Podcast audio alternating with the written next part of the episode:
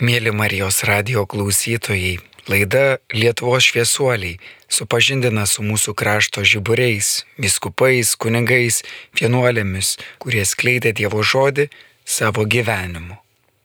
Šioje laidoje kviečiame susipažinti su šviesios atminties kunigu Kazimieru Žemėnu. Laidos pradžioje Kristaus karaliaus seseris Veronika ir Zita, pažinojusias kunigą Kazimierą, kalbina vyskupas Saulis Bužauskas. Pasiklausykime jų pokalbio. Sveiki gyvi, mėly Marijos radio klausytojai. Šioje laidoje norime kalbėti apie kunigą Kazimierą Žemėną, kuris gimė 1935 metais Iškutėnuose, tai yra parapija Švenčionių rajone, ir mirė 2005 metais Kaltanėnuose, būdamas Kaltanėnų parapijos klebonas ir palaidotas Kaltanėnų bažnyčio šventoriuje. Apie šį kunigą prisiminimais dalinasi Kristaus karaliaus seserų kongregacijos seserys. Taigi, mėlos seserys, norim klausti jūsų pirmiausiai, kada pirmą kartą susitikote su kunigu Kazimieru Žemėnu, kokiom aplinkybėm? Kadangi jis dirbo mūsų parapijoje. Tai, Tai čia naujajam daugeliškyje, taip? taip, Apie kelintus metus tai buvo? 64 Ir jūs ten toj parapijoje gyvenote. gyvenau tenai. Taip. Ir koks tas pirmas susitikimas buvo, atėjote į mišę, žiūrit kažkoks naujas kunigas. Nu, Naujas. Tada po mišių turbūt reikėjo kažkaip užkalbinti jį, susipažinti. Ne, tai seniau nebūdavo tokių dalykų. Kaip pradėjot bendrauti su juo, kokias funkcijas jūs toj parapijoje atlikote, tiesiog jūsų tėviškė ten buvo, ar Dievama darot. Jaunimas. buvot labai jauna tada ir jūsų tėvai ten gyveno ir su draugais ėjote į švenčiausio sakramento adoraciją. Taip, visą. Ir kada ta adoracija vykdavo? Būdavo 40 valandų švenčiausio sakramento adoracija pas mus ir tada darodavo. O kokiom progom vykdavo švenčiausio sakramento 40 valandų adoracija? Gavėniaus rekolekcijose būdavo. Tris dienos. Ir kas pakviesdavo į tą adoraciją? Eidavom patys, niekokių kvietimų nebuvo. Tai čia saviveikla pačiom eiti ir klebonas nieko nežino. Klebonai žinojo. Klebonas pats organizuodavo, taip? Nu tai nuo seniau buvo pripratę daroti, nereikia nieko organizuoti. Bet naujajam daugeliškiai, čia Ignalinos rajonas, taip, ir būdavo turbūt labai šalta bažnyčioje per gavinę. Šalta ir dabar šalta. Nu tai o kaip jaunas žmogus ištverdavo tą šaltį? Jauniemgi karšta. karštą. Na tai papasakok, ką per adoraciją veikdavo, ar klebonas duodavo kokios medžiagos, Ne, melsdavomės pačios ir viskas. o ką melstis per adoraciją reikėdavo jaunystėje. Gali ir žodžiančių kalbėti, ką nori. Moteriškos gėdodavo, tai ir mes, aš pavyzdžiui, gėdodavau. Ką gėdodavot? Pasakyk man geras ponė, O, kokia graži gesmė. atpirkėja. Taip. O tas gesmes čia pati pasirinkdavo, ar būdavo taip, kad Ne, tai gėdodavo moteriškos tenai suoluose. Tai dabar papasakokit, kaip susitikot su Žemėnu, kunigu Kazimieru Žemėnu, ar po tos adoracijos, ar ką, saldainių gal kokių duodavo, ar batos, ar pirago. Ne, ne, nedalydavo. Nedalydavo, tai matai, net jausdavo jaunimo. Nebuvo mados. Nu, bet vis tiek, koks buvo pokalbis pirmas tuo kunigu, ėjo, Nu, jau seniai labai buvo. Neatsimenat. Nu, bet atsimenat turbūt kunigo pamokslus. Anksčiau mm, jie tokie, vat, kunigas gimęs 1935 metais, tai tokie, galima sakyti, prieškario kartos dar kunigas, tai jie buvo įpratę ilgus pamokslus sakyti, ar jums Valandos. pusę valandos trukdavo pamokslas. Abūdavo ką klausyti. Nu, būdavo. O gal, kaip žemėna sakydavo, visi šipsodavosi. Visai būdavo. Tai ir humoro jis mokėjo pavartoti. Mokėdavo, mokėdavo. Nu, o gal buvo tokių situacijų, kai, sakykime, teko dalyvauti laidotuvėse, kurioms vadovavo kunigas Kazimieras Žemėnas, ar, ar pavyzdžiui, teikiant kokius kitus sakramentus, sakykime, krikštynas, ar, ar santoko sakramentą laimindavo, tada gal buvot ir matėt kažką galėtumėt prisiminti. Laidotuvių tai daug teko būti. Kur Kazimieras Žemėnas dalyvavo.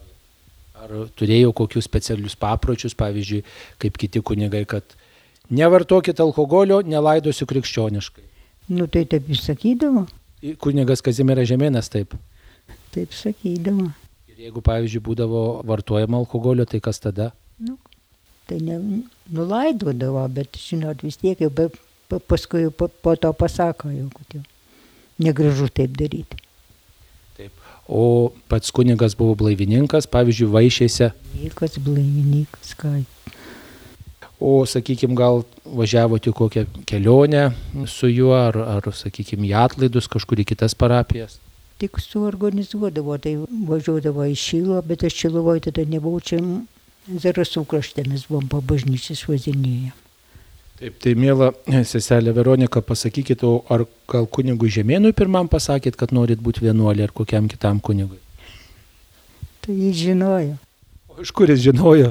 Taigi jos šeimininkės buvo vienuolės. Jo šeimininkės buvo vienuolės ir jūs su tom šeimininkėm bendravo. Nu, tai bendraudavo. Reikdavo padėti bažnyčią plauti. Ir viskas. Ir taip susibendravo. Ir jos abi buvo vienuolės. Nu, tai abi vienuolės. Kristaus karaliaus seserų kongregacijoje ir kokioje kitoje. Ne, ne. Ten buvo vaizdietės, o kitos jau paskui po to buvo širdietės šeimininkės. Tai va, matot, jisai su vienuolėm bendradarbiavo. Na, o pas kuniga Kazimierą Žemėną teko turbūt eiti ir iš pažinties, ar jis buvo griežtas, bardavo, pa- Ne, nebardavo. Jis nebardavo. Nebardavo, ramus buvo. Tik bardavo, kad degtinės nevartotų. Tai jau, šitų tai jau bardavo. Laivininkas pats buvo ir kitus norėjo išblaivinti. Nu, dar vienas dalykas iš kunigo Kazimiero Žemėno tai buvo gėlės. Gal galite apie tai papasako daugiau? Mėgo gėlės, papasakokit plačiai. Kokias gėlės jisai mėgo? Amarilius. Kas čia per gėlė marilis? Gal ne visi pažįsta? Nu, Kaip lelyje, toks didelis. Ta aukštoko. Ži- Ta O kur jis juos augino? kambarį savo. Gal šimtas buvo vazonėlių tenai pasi.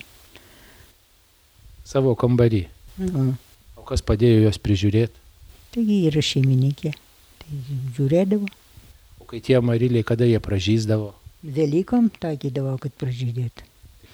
Nu, O kai pražysdavo marilį, ar jūs nenorėdavot, kad ir aš norėčiau tokį turėti namuose? Nebūtina. Užtekdavo bažnyčioje pasigėrėti. Pasigėri, pasižiūri, gražu ir gerai. Kuniga Žemėnas turėjo labai didelę amarilių kolekciją, augindavo juos klebonijoje. Gal prisimenat kažką daugiau apie tą kunigo pomėgį auginti amarilius? Taip, kada, kai vieną kartą teko apsilankyti toje klebonijoje, tai kas mane tikrai nustebino, ant visiškai visų palangių, kiek tik jų buvo, vazonėliai, vazonėliai, vazonėliai. Aš sakau, kokios čia gėlės, sako, čia amariliai. O tenai amariliai, o čia amariliai. Sakau, tai, o, o daugiau, nesako, čia visur amariliai. Jie sakė, Rusija dar yra amarilių, išneždavo, kunigas Žemėnas pats nešiodavo tos vazonėlius, žodžiu, žinodavo, kada, kurį mėnesį išnešti, kad Velykoms pražystų. Ir per Velyką įdavo, būdavo visa bažnyčia pilna amarilių, buvo be galo gražu, žmonės ten visą laiką žavėdavosi. Ir didžiausia jo svajonė buvo gauti geltoną amarilį. Ir pirmas dalykas, kai aš pradėjau klausinėti, jis man sako, gal žinai, kur gauti geltoną amarilį. O aš apie juos nieko nežinojau. Žinau, nu, baltas, raudonas ten tas amarilis, dar ten tokių dryžuotų yra nelabai gražių, tai rausvas. Taip, na, baltie ir raudoniai, aišku, pašniausi. Taip, ir aš taip, žinokit, kadangi su, su tokiu užsitegimu kalbėjau apie tos amarilius, dar aš ten paklausinėjau, kaip visada, už, užmėgsdama santykių su žmogum, matau, kad jau ten begaliniai jam įdomu tie amariliai. Tai žinoma, kad aš būčiau užsirašiusi, kaip juos auginti, kada laikyti kokioj temperatūroje, kada išnešti, kaip laistyti, kokia turi būti temperatūra ant tos palangės, tada kur ta saulė. Na, viskas, suprantat, jis užaugindavo kaip tikras gamtininkas, gėlininkas tos samarelius būtent Velykoms. Kada jis norėjo pražydinti, tada jie pražysdavo. O geltono marilio tai taip ir negavau. Nes va, seselė Joanas sako, taip pat e, norėjo oranžinio ar geltono marilio, jau čia jis perdavęs buvo per kartų kartas visiems žodžiu. Kas tą marilį kur nors gali sužvėjoti. Tai taip ir negavom, tarp kitko aš niekada ir nemačiau geltono marilio. Jeigu kur nors e, gaučiau, tai tikrai auginčiau ir sakyčiau, va, šitas amarilis yra kunigo žemėno svajonė. O gal paprašėt tų svogūnėlių, kad jau tie kunigas augina ant visų palangių, tai gal vieną svogūnėlį galėjo kokį vaikelį ir jums dovanoti? Žinot, norėjau, bet nedrįsau, kadangi supratau, kad kiekvienas svogūnėlis ten ir aukso vertės ir kad jis ten augina. Bet to ir nemačiau. Ir ko gero net ir nepasiūlė, nes aš supratau, kad ten tie, čia viskasgi bažnyčiai ir kad čia tiek jų yra, nes tada ir jo šeimininkė sakė, vaikeli, kad tu pamatytum, kas daros dar pas mus tam rūsy, kiek tenai jų yra. Tai jeigu šimtais tų tikrai augindavo, tų vazonėlių, tų svūgunėlių.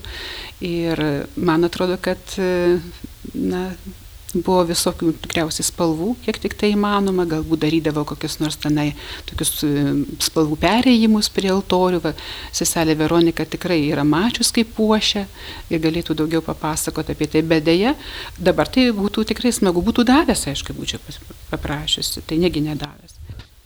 Nu tai ką dar prisimenat apie kunigą Žemėną? Nu geras buvo šventas pamaldus, kiek būdavo jaunimą. Adoruoja jaunimas, pavyzdžiui, va, per didįjį tridienį. Ir jis adoruoja. Pavyzdys tada. Per didįjį tridienį tai būdavo visom dienom adoracija ar tik kurią nors vieną dieną? Visom dienom. Ir jisai pats.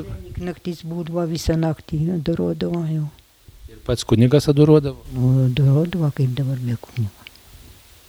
Vaikai atsisuka, ar yra kunigas ar net. O tai kas tuos vaikus pakviesdavo pats klebonas? Nu, tai seniau gaidavo visi tikintys pamokslų paklausę ar turėjai. Sekmadienys, tokios dienos didžiojoje savaitėje, tai visi gaidavo melstis. Taip, tikriausiai vakare vaikai ateidavo ne tiek dieną. Vakare, vakare jau, per didįjį tridienį būdavo vakarais. Taip, tai o sesė Zita, kada jūs pirmą kartą susitikote kuniga Kazimierą Žemėną? Aš negaliu pasakyti, kokie tai metai buvo, bet tai buvo gal kokie penkeri metai iki jo mirties. Aš buvau kaltanėnuose ir mes užėjome kaip tik tai pas kunigą Žemėną į jo kiemą, pamatė tą baltą užkelę, kurią jis ten globojo labai gražiai, turėjo ošką, melždavo pieną, man atrodo, šeimininkė ko gero melždavo pieną, negi jisai pats. Bet tikrai žinau, kad jis pasakojo, kad jis pats kapoja malkas, viską darosi pats, pats ir savo rankom. Tai va, taip pat aprodė bažnyčią tada ir tokia buvo pažintis pati pirmoji. Na, o jau paskui, na, galima sakyti, gal mėno buvo likę iki jo mirties, kai jis ant takalnių ligoninį gulėjo. Tai kunigas Kestutis Dailydė, kuris, na, jo, sakykime, dvasios sūnus ar ką yra, tai tiesiog paprašė mūsų pabūti prie jo, kadangi, na, tokios tikrai slaugos reikėjo, nuolatinės beveik ir ten buvo be abejo medicinos personalui sudėtinga. Tai teko, na, gal man šiek tiek daugiau, kitos taip pat pakeisdavo sesys, ateidavo ir mes tos, tos, tos paskutinės dienas palengvindavom, nes kunigas žemėnas nesvarbu, kad, kad kunigas nesvarbu, bet jis vis tiek galvojo, kad jis va pasveiks, va jis atsikels, va jis važiuos. Ir kai aš atėjau, tai aišku mane prisimenė ir sako, žinai, mes tuoj būsim kaimynai, Sakau, kodėl kaimynai, aš galvoju, norėjau sakyti, danguje kaimynai. Kadangi aš žinojau, kad, na, tai kaip sako, lyga tai mirčiai, o ne, o ne gyjimui, bet jam niekas to nesakė. Ir va, jis nežinojo iki, iki tam tikrų aplinkybių, apie kurias papasakosiu. Bet jisai sako, mane tuoj skirs va čia pat į Kalvarijų parapiją, pažadėta man ir aš čia tuoj atvažiuosiu. Tai, žodžiu, žmogus dar gyveno toj ligonės tokia viltimi pagyti, Ir labai daug dar kalbėjau iš pradžio apie gyvenimą, apie tai, kaip jis darysės ką. Ir man kas labai įstrigo, kad atėjai, ten patvarkiai ką, na dabar melžiamės. Tu, man sunku, tu padėsi. Tai tada rožančių, aišku, reikėjo melstis.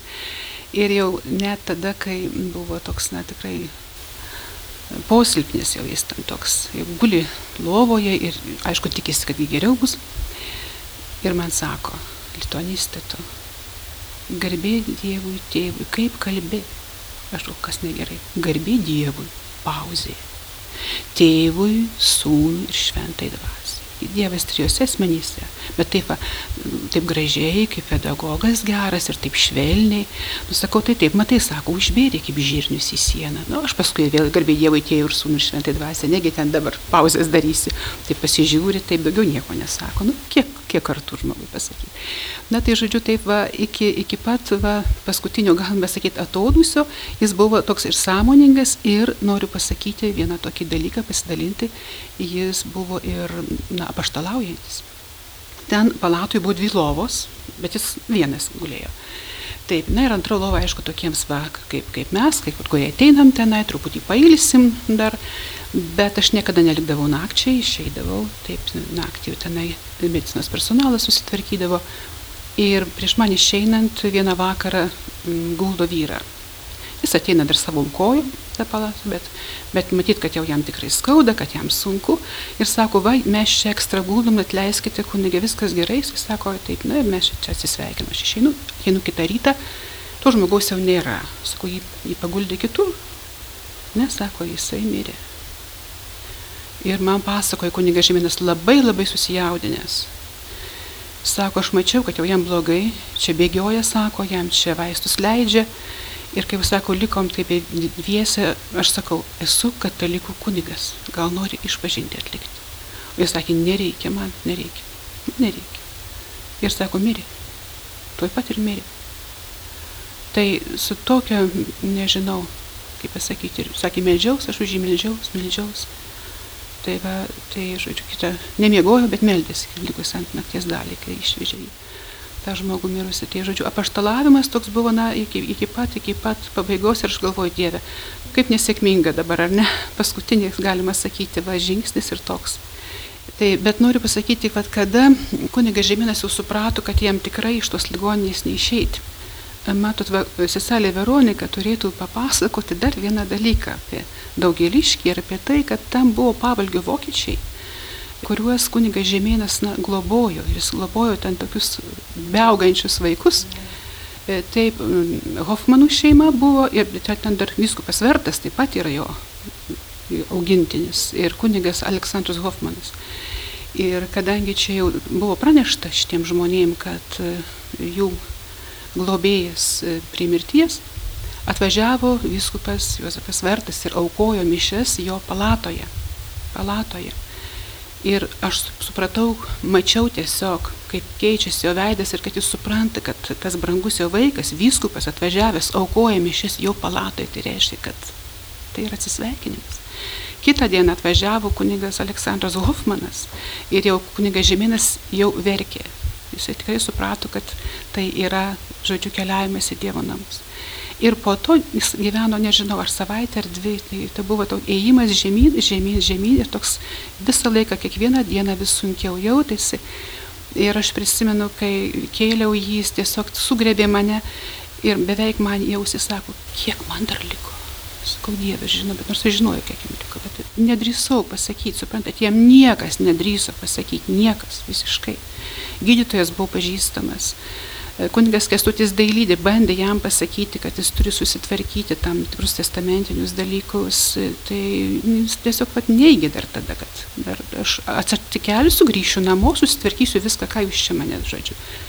Tai va, ir tas buvo, nežinau, ir graudus labai, ir labai gražus toks atsisveikinimas su tais va, savo vaikystėje išaugintais kunigais. Dar atėjo viskupas Tunaitis, tada žinau, jau ten buvo paskutinieji tokie žingsniai, taip išėjo tada gražiai susitaikęs, nu kaip su, su viešpačiu ir susitaikė su tuo, kad turi išeiti jau, kas ją mačiau, kad nu, iš pradžio netikėjau, kad jau viskas. Vat kaip, kaip tai yra vis dėlto gyvas tas žmogaus gyvenimo troškimas. Tai buvo toks mano prisiminimus. Dar gal papasakokit kažką apie jo pastoraciją, galbūt e, pati matėt arba girdėjot iš kitų kunigų ar iš kitų seserų, kaip jam sekdavosi pamokslauti, kaip jam sekdavosi dirbti su jaunai žmonėm, ar kokiu nors prisiminimu, ar kokiu nuotrupų, kodėl, pavyzdžiui, kiti kunigai pasirinko į dvasios tėvo, ar ten, kodėl ten, pavyzdžiui, jis pasisakė už blaivybę taip labai. Manau, kad jis buvo sketiškas gana. Taip, taip man susirodė, kaip sako, iš kai kurių nuotrupų ir mm, nežinau, kiek net ir jezuitiškas toks, ta prasme, kad man atrodo, kad jis buvo jezuitų ordinė įstojęs, ar, ten, ar, ar kaip ten buvo, nežinau, ten ta situacija tikriausiai kiti paaiškins, bet tai buvo žmogus siekiantis, na, tokių dvasinių aukštumų. Ir kadangi jis turėjo tą viltį, ar ne savyje, tą troškimą, tai ir, ir kitiems dėgi, ar ne, tai pažiūrėkite, kaip sako, jo globotinė yra viskupas, bent du kunigai, jeigu nedaugiau, žinau, kad ten ir, ir dabartinės kartos kunigų yra ten, kaip sako, važiavę, pasikalbėjęs, bendravę, tiesiog ieškoja, na, tokio kaip dvasios tėvo atramos. Tai dėl to, kad kai žmogus pats gyvena ir tiki tuo, ką daro ir labai nuoširdžiai kiti mato, tiesiog tą šviesą sklindančią ir ateina pasišildyti ir, ir, taip, ir suprasti, kur, kur, kur reikia eiti, kaip jis nušviečia tą kelią. Atrodo, dirbo tokiuose mažose parapijose - Kaltanėnai, Daugeliškis, Palūšė, dar viena kita tokios nedidukės parapijos ir ten atrodo, nu, kur ten skleistis tam šviesuoliu, kur ten lavintis, atrodo, ten tuoj pat remonto rūpeščiai, kovas su girtuokliavimu, jeigu toks parapijoje yra ir panašiai. Kaip čia taip gali būti, kad va tokiuose mažose parapijose vis tiek žmogus buvo šviesulys. Tai jūs pagalvokite, sovietmečiu tik šviesuliai ir buvo mažutėse parapijose. Taip.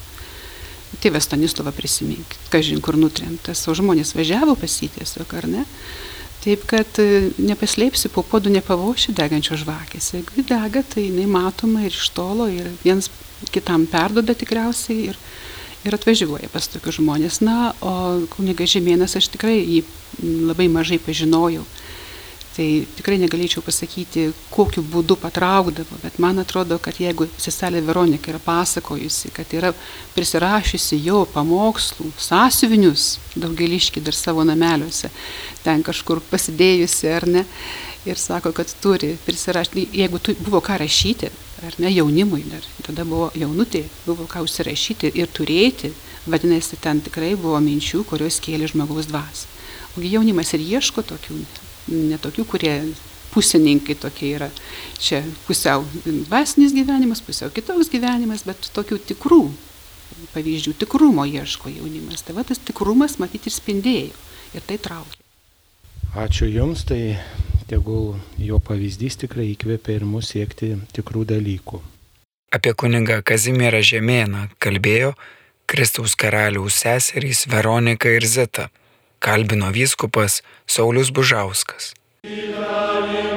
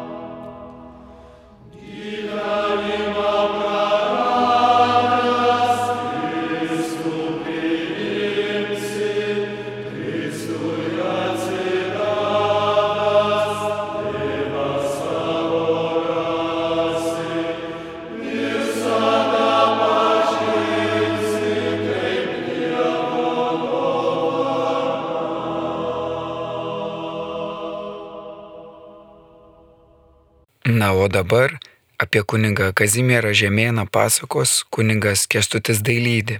Kunigas Kestutis Dailydė praleido didelę gyvenimo dalį su kunigu Kazimieru. Pasiklausykime, ką jis pasakoja. Prieš pradedant kalbėti apie mano asmeninę patirtį, susitikimą su kunigu Kazimieru, norėčiau apsistoti ties kai kuriuom jo gyvenimo tiesiog datom. Gimė 1935 sausio 2 Rieškutėnų kaime, Švenčionių rajone, mažažemių šeimoje, augo trys sūnus, jis buvo vyriausias, septynerius metus mokėsi Rieškutėnų pradiniai mokykloje, vėliau Švenčionėlių viduriniai mokykloje, kurią baigė 1956 metais. Po vidurinės mokyklos įstojo į Kauno tarp diecezinę kunigų seminariją, kunigo šventimus iš vyskupo maželio rankų Kauno katedroje priėmė 1961 metais kovo 3 dieną.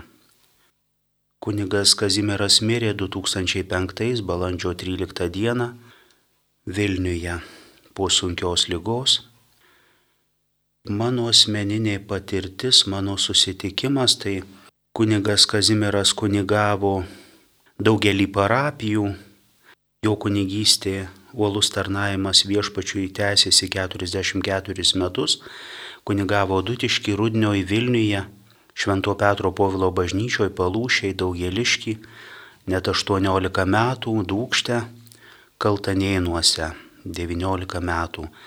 Ir būtent šitame etape mes susitikom 1985 metais, buvau paauglys, kadangi Kaltanėnų parapijoje yra mano kaimas, yra tiek tėvelis, tiek mamytė iš tos parapijos kilę, tai štai Kaltanėnuose susitikom, po kažkurių mišių susitikom, tiesiog aš buvau nuvykęs į kaimą ir praleisdavau kaime vasaras ir tiesiog jis pakvietė užeiti, kalbėjom ir iš tikrųjų užsimesgė, na, tas ryšys, kuris vėliau peraugo, nedrįščiau pasakyti, gyvenimo pabaigoje bičiulystę, gan tokią netartimą bičiulystę.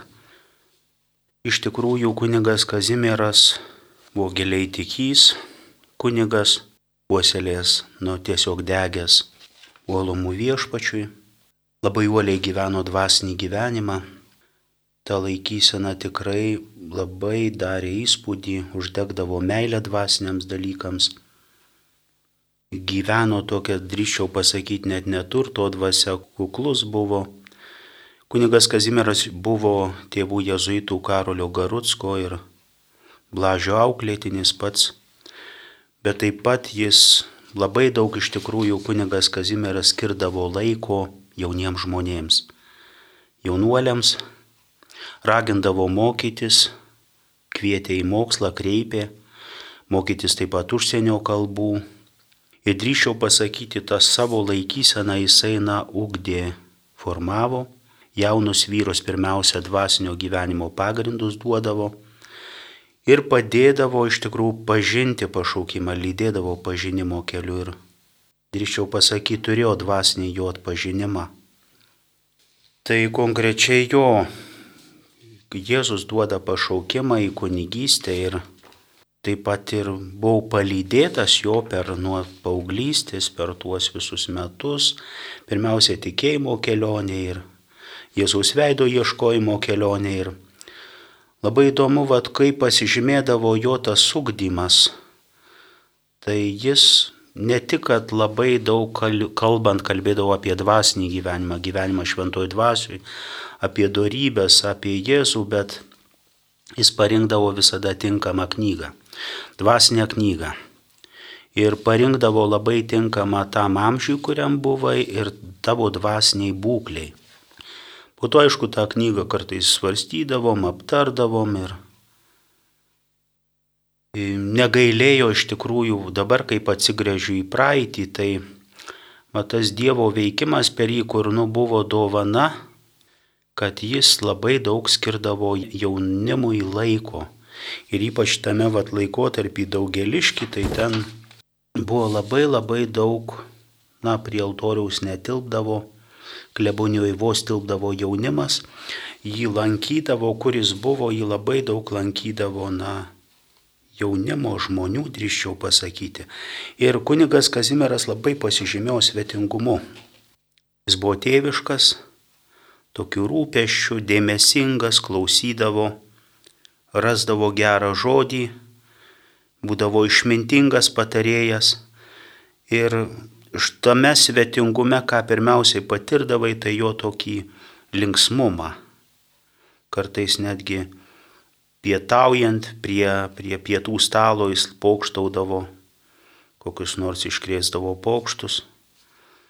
Tai tikrai buvo toks labai nugėdras žmogus. Tai primdavo tą jaunimą, jaunimo grupės, auklėjo taip, iš tikrųjų jis ieškodavo pašaukimų, dabar atsigrėžiant į praeitį, tuo faktiškai čia, žinai, sovietmetis yra iki, na, iki 90 ir po to.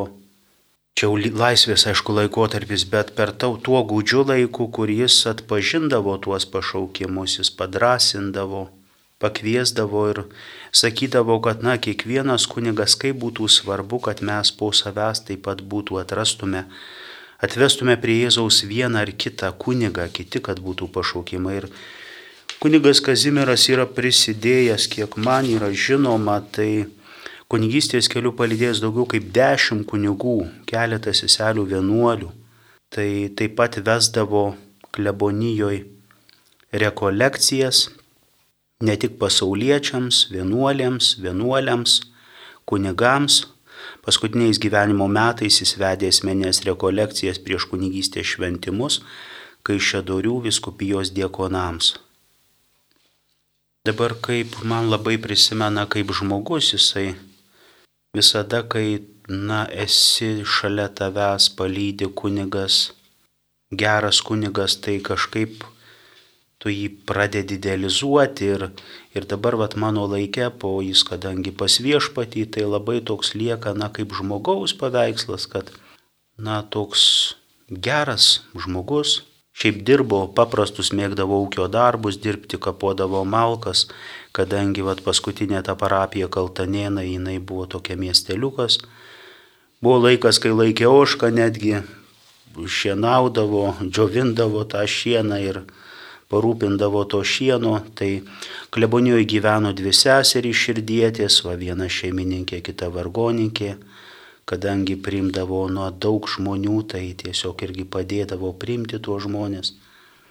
Dabar užsiminiau apie knygas, tai iš tikrųjų drįščiau pasakyti, turėjau turtingą nam laikui teologinę, dvasinę, istorinių knygų biblioteką, kryptingai knygas rinko, labai mėgo knygą, skaitė ir Kaip anuomet, nu, knyga buvo retenybė, tai kai mirdavo kunigas ar koks vienuolis, tai kitas kunigas paveldėdavo tą knygą ir tas knygas, kad toliau turėtų, kad toliau jos būtų skaitomos. Tai palydėjo taip nuo paauglystės, mokyklos metais, seminarija Kaune, taip tada jau pradėjau netgi kunigauti, vikaravimas, po to tarnystė seminarijoje Tai dabar pereinant prie jo paskutinių jo dienų, tai lygą jis priemė iš viešpaties rankų su pasitikėjimu, su vaikišku paprastumu.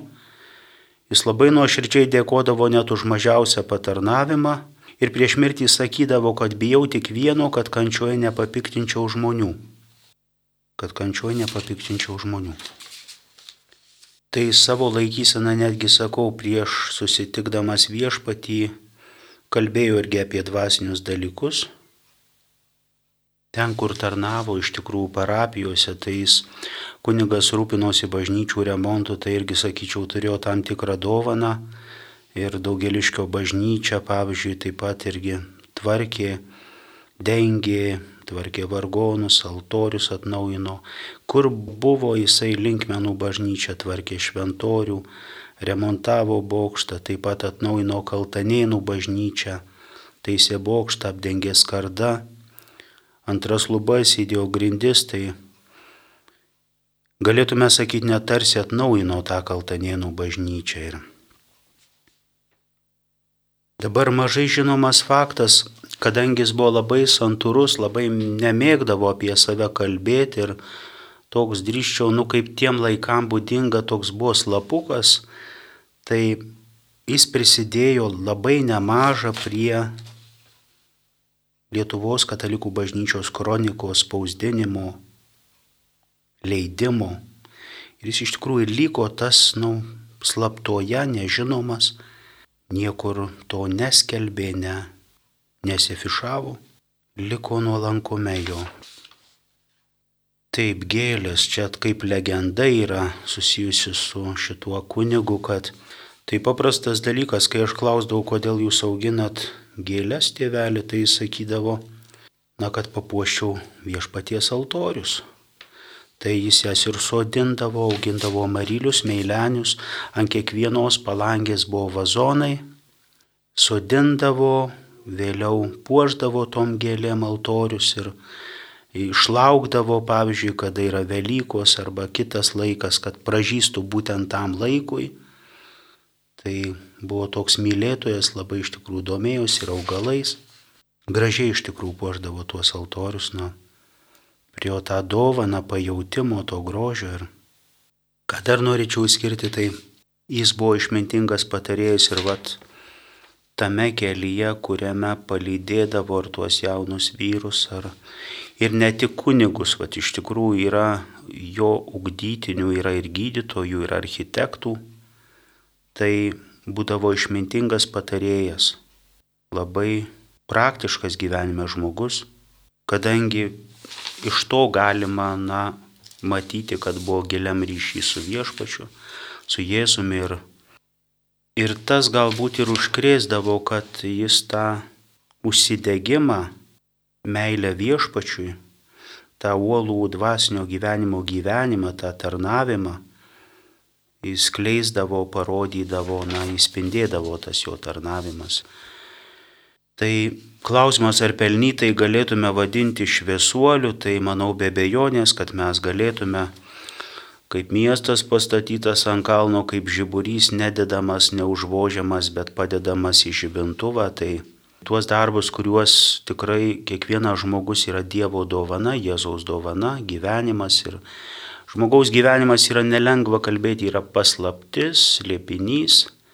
Kaip apokalipsė yra pasakyta, kad tik Dievas turi tą viešpats tą akmenėlį baltą delne, tai tik viešpats žmogų veda, dovanoja gyvybę, ugdo, šventą dvasę gaivina, duoda įkvėpimus, veda į šventumą, šventoji dvasia mus daro panašiais į Jėzų ir tik viešpats gali geriausiai, na, atskleisti ir iškelti ir, ir pažįsta žmogų geriausiai. Žino gyvenimo paslapti, tai va ir kunigo misija - nešti Kristaus šviesą, vesti prie Kristaus ir kiekvieną sutiktą ir labai uoliai iš tikrųjų jis tarnaudavo dabar sielovadoj, tai klausydavo iš pažinčių, dvasinio vadovavimo, iš tikrųjų atvažiuodavo net jėzuitų, kitų vienuolių, kunigų, iš visos Lietuvos, kur e, dvasiniam pokalbiam, kurie ieškodavo, na, Dievo valios ir tai aš matydavau tikrai, vad labai daug lankydavosi ir, ir jis skirdavo kiekvienam tą laiką. Susitikimui, pokalbiui, neskubėdavo, jis kažkaip turėdavo laiko, nebūdavo, kad sakytų, neturiu laiko, negaliu ir esu labai užimtas, tai nešė tą viešpatie šventumą, galėčiau pasakyti, ir kaip šviesuolis, užkrėsdavo tuo šventos dvasios ugnimi, nors pats būdamas labai kuklus, labai santūrus. Ir kaip kunigas, tai galima sakyti, na, gilaus tikėjimo pamaldus kunigas ir šviesus kunigas. Jo laikysenoj matydavai, nu, ne, ne žmogaus labai daug, bet tiesiog Jis rodydavo ne save, bet rodydavo į viešpatį Jėzų. Apie kunigą Kazimierą Žemėną pasakojo kuningas Kestutis Dailydį. Girdėjome laidą apie dar vieną Lietuvos šviesuolį, kunigą Kazimierą Žemėną.